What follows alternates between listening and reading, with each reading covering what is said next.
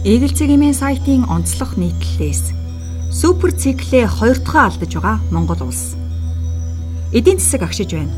Мөнгө илэрхийлэл нь хэвэндээч экспорт нийт үйлдвэрлэлийн хэмжээг тооцоол агшжээ.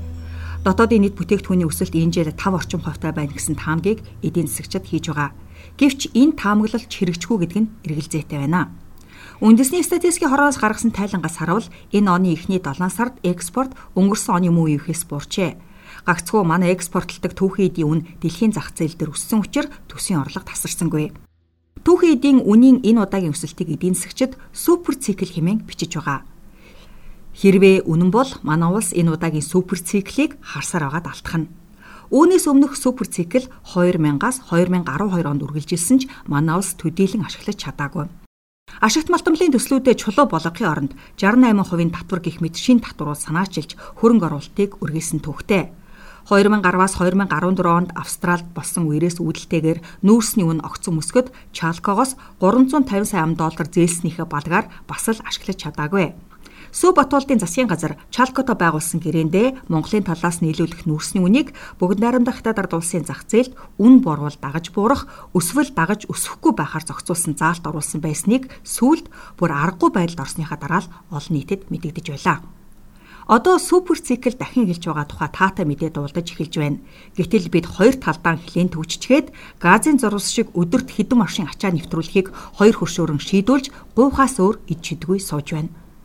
Өгсөж байгаа эдийн засгтаа улсын хувьд энэ бол байж боломгүй үзүүлэлт.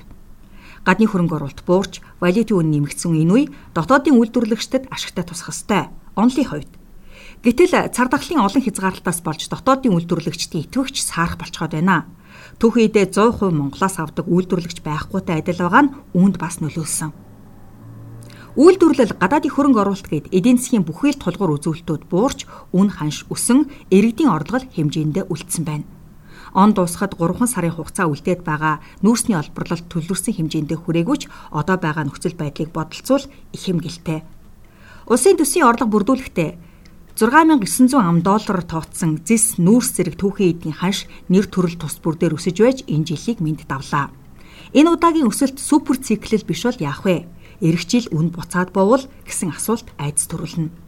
Бондын төлбөрүүд нэхэгдэнэ. Засгийн газар хүүхдийн мөнгийг хадгаламжинд хийх сонголттойгоор олгоно гэсэн нь зах зээлд нийлүүлэх мөнгөний нийлүүлэлтийг багасгах бодлого барьж байгаагаа далд утгаар илэрхийлсэн. Зах зээл нийлүүлж байгаа төгрөг бүр инфляцид нөлөөлдөг болохоор аргачлгүй. Одоо бидэнд эрх жилийг алдагдал багтаа давъя гэвэл төсвөө чамба боловсруулж валютын шинэ хөөсөр олохоос өөр гарцалга. Рио Тинто 350 сая ам долларын ашгийг урьдчилж өгөх саналыг засгийн газар тавьсан ч засгийн газар хүлээж авахгүй гэсэн байр суурьтай байгаа. Монгол улс уул уурхаагаас их олж орж ирсэн 2009 оноос хойш төсөө тэлэх бодлого явуулж мөнгөний нөлөөлтийг байнга нэмэгдүүлж ирсэн билээ. Зөвхөн энэ үеэс хойш гихтэл Монгол улсын төсөв 6 дахин нэмэгдсэн байна. Сүүлийн 2 жилд бүтээн байгуулалт руу их мөнгө хийснээ багасгавал эх жилийн төсөв энэ жилийнхээс бага байх ёстой. Учир нь эх 2 жил сонгуулгүй. Иргэд бүсээ чангална гэхдээ хариуцлагатай алдагдaltaгүй төсөв батлаа гэвэл сонгуулийн тодтголтой өмнөх 2 жилийнхээс буурах нь гарцаагүй хэрэг.